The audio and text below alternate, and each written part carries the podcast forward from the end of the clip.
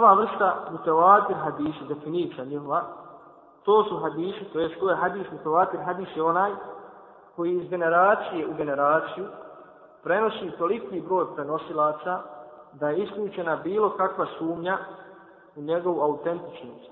Ili da ga prenosi toliki broj prenosilaca da, da ne postoji nikakva mogućnost da su se oni složili na laži.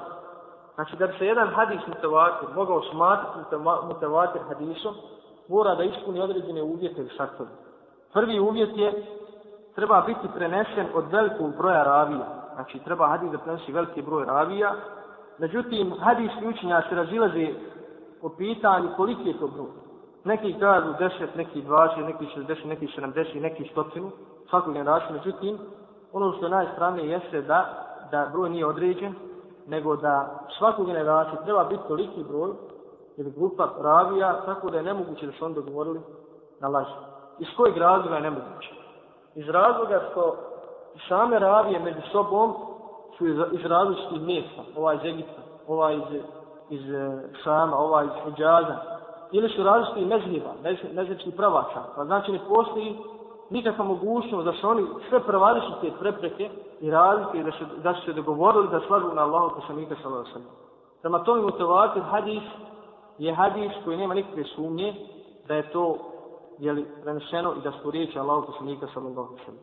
Znači to je prvi uvjet. Drugi uvjet je da isti toliki broj mora biti u svakoj generaciji, u svakoj pabeti, kako se kaže, da mora biti jel, veliki broj, jer ako određeno je pabeti fali, onda ne možemo reći jel, da je hadis da je hadis mutawat. Znači, ako određenu generaciju fali, nije dovoljan broj ravija, ne možemo za hadis, hadis reći da je mutawat. I samo u jednoj generaciji ako fali. Kao što smo rekli, neki hadis niša smatruju da je taj najmanji broj deset, deset prenoslaca, deset ravija. Treći, treći uvjet je sam sastav ravija treba biti takve prirode da isključuje svaku mogućnost njihovog dogovora na laži, kao što smo naveli, a to se podrazumijeva da su ravije iz različitih mjesta i pokrajina različiti, da su različiti zanimanja i da pripadaju različitim mezhebima.